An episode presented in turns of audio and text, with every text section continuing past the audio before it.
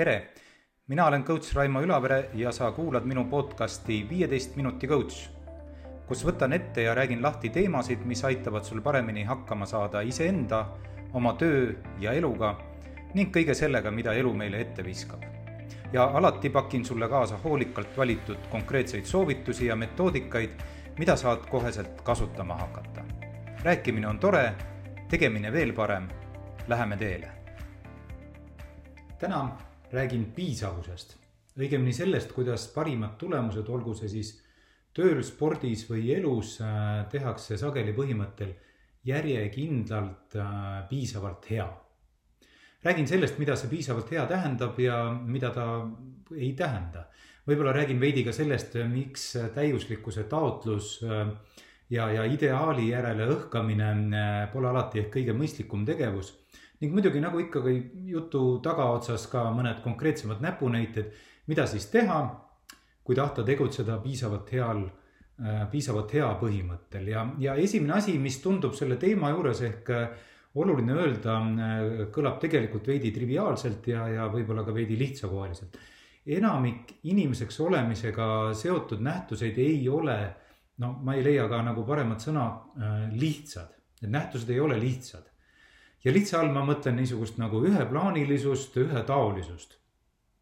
kui see vastaks tõele, siis oleks elu ju tõepoolest nagu öeldud lihtne, eks ole, tahad tulla maailmameistriks, tee rohkem trenni.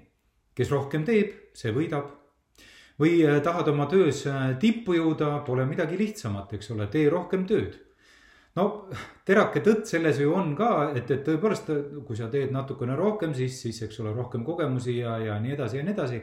aga sellegipoolest ei tundu just eriti mõistlik, kas pole. sest tegelikult ju maailmameistriks ei saa see, kes teeb lihtsalt rohkem trenni.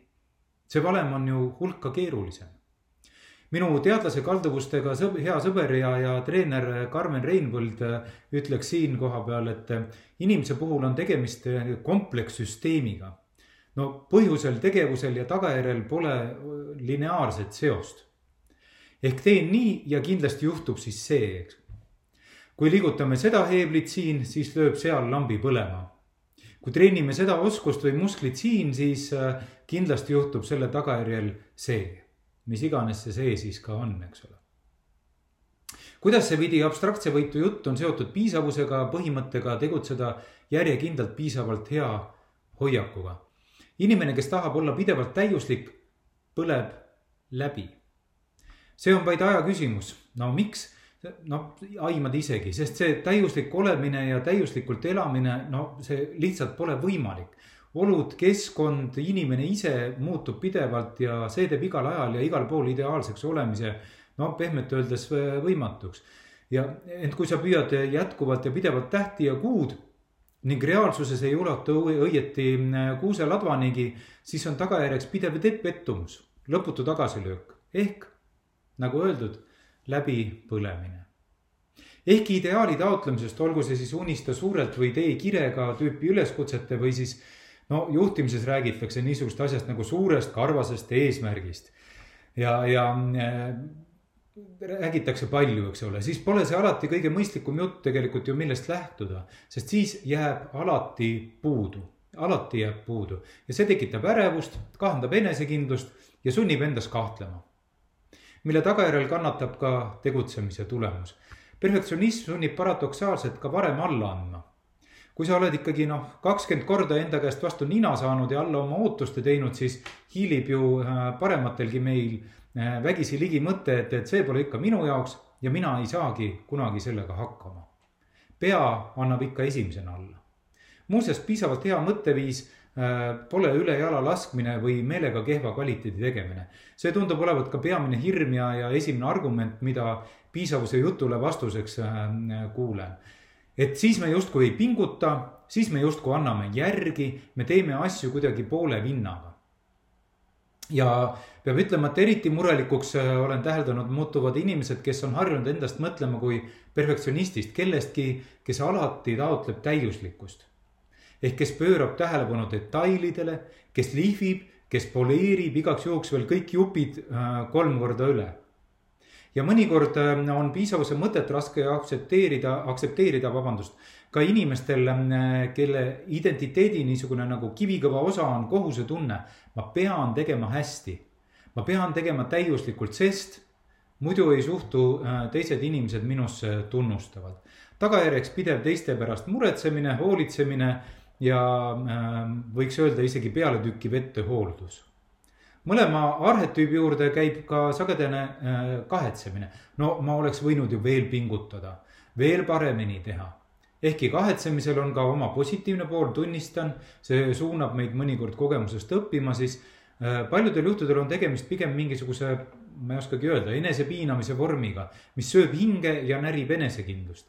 ja millega tõepoolest enamasti pole suurt midagi peale hakata, minevikku me ju muuta ei saa ent piisavalt heal äh, pole midagi pistmist lati alla laskmisega. piisavalt hea nõuab pingutust. see nõuab oma selle hetke parimat tegemist. see on ju ka tegelikult kõik, mis me sel hetkel teha saame. kuid pane tähele, see pole ikkagi sama, mis perfektne, see pole kaugeltki sama, mis täiuslik või ideaal. muuseas, omaette rõhk on siin ka äh, sõnal järjekindlalt ehk järjekindlalt piisavalt hea hoiak on see, millest ma räägin ja nii tegutsemine pole sugugi lihtne just selle järjekindluse tõttu. teha ühekordne suurepärane tule, tulemus on oluliselt lihtsam, keskmisest enam õnne, noh, ma ütleks, et kui kõik planeedid on äh, piltlikult öeldes õigesti joondunud ja me kõik oleme kogenud, eks ole, suurepärasust, ühekordset õnnestumist. maailm, no ka Eesti on täis juunioride maailmameistreid, ühe lauluga edetabeleid juhtinud ansambleid, korra õnnestunud ettevõtjaid, kes tunduvad kõik teadvat jutumärkides Äh, nagu öeldakse, äh, edu saladusi. ja, ja tõepoolest me kõik teame kedagi, võib-olla ka näeme teda äh, ka peeglist vastu vaatamas, kedagi, kes on teinud ühe suure ja ägeda asja, ent mis neist on edasi saanud? mis neist on edasi saanud, kuhu enamik neist tegijatest on jäänud? ühekordse õnnestumise, pane tähele, mis, mis on selle sõna õnnestumine tüvi nii-öelda õnne, õnn, õnnestumine, eks ole, ühekordse õnnestumise mõju pole võrreldav sellega, kui suudad olla piisavalt hea järjekindlalt ja korduvalt. muidugi tekib kohe ka küsimus, et kui palju ja millal siis on piisav, mis hetkel ja millistel tingimustel saabub kätte punkt, kust äh, noh, edasi pole mõtet enam äh, punnida, tulemust lihvida ja poleerida, kus iga lisatud minut või euro või kuidas iganes me seda panust mõõdame, enam suurt väärtust juurde ei anna no ma ütleks, et küllap see oleneb, eks ole, konkreetsest tegevusest ja teemast ja, ja oleneb ka eesmärgist. noh, näide, eks ole, kui sa tahad ennast äh, füüsiliselt heasse vormi timmida, siis on olulisem pihta hakata, äh, kui leida endale jaoks perfektne treeningplaan või perfektne treener, eks ole või kui müüd mingisugust teenust või toodet, siis on ehk olulisem korjata kundadelt tagasisidet ja proovida raudada mingisugust nagu ühte konkreetset vajadust, kui nii võib öelda mitte ka olla ideaalne partner kõiges, mis kundadel aga pähe tuleb sinu käest küsida või nõuda. või kui noh, no saad ilmselt Ivast isegi aru, eks ole, täiuslik, ideaalne alati ja kõiges. sest see kõik on väga väsitav ja see kõik on kõige kiirem tee läbipõlemiseni, nii emotsionaalselt kui tegelikult ka majanduslikult. niisiis, võib-olla see ideaalne pole mõistlik eesmärk. parem tegutsemise eesmärk on ehk teha oma parim ja teha seda hoiakuga järjekindlalt piisavalt hea ja sellest enamikel juhtudel peaks ikkagi piisama. ja nüüd siis tõepoolest äh, siis nagu küsimus, et, et, et äh, kuidas siis oma see parim teha, mis oleks piisavalt hea. mõned mõtted ja näpunäited siia äh,, siia lõppu. esiteks, ja see tundub mulle tõesti oluline äh,, mitte kinni jääda minevikku, noh, mida kõike oleks saanud paremini teha. iga tagasilöök pole päriselt õppimise koht no päriselt ei ole, ärge kuulake äh, koolitajaid või, või ja, ja seda räägitakse ka raamatutes, eks ärge uskuge, see ei ole mõistlik. enamik tagasilööke, vähemasti mulle tundub, äh, lähevad pigem kategooriasse jama juhtub ja mõistlik on lihtsalt edasi minna. me ei saa sinna mitte midagi teha, jama juhtub, eks ole inimestena me elame umbes poole oma ärkveloleku ajast äh, mitte olevikus, vaid suuresti minevikus ja natukene ka tulevikus, aga, aga sealt minevikus elamine äh, ei aita enamasti sugugi. me ei saa minevikku muuta. tegin selle hetke parima, läheme edasi, võiks olla ehk mõte, mida endale rääkida. Ja teiseks ja see kõlab tõesti, ma tunnistan veidi imelikult, mitte panna liiga suuri eesmärke, ma tõesti ei usu liiga palju neid jutte, et unistada tuleb suurelt ja otsi oma kirg ülesse ja muu taoline. enesekindlus tekib lihtsal moel, tee plaan, tee tegevusplaan ja tee siis see plaan ka ära. järgmine samm, palun. samm-sammu haaval liikumine viib kaugemale kui kuu ja tähtede igatsus kolmandaks, veidi ka eelmise punkti jätk, proovi sihina pigem äh, tõsta oma keskmist taset, kui teha ühte suurt tulemust.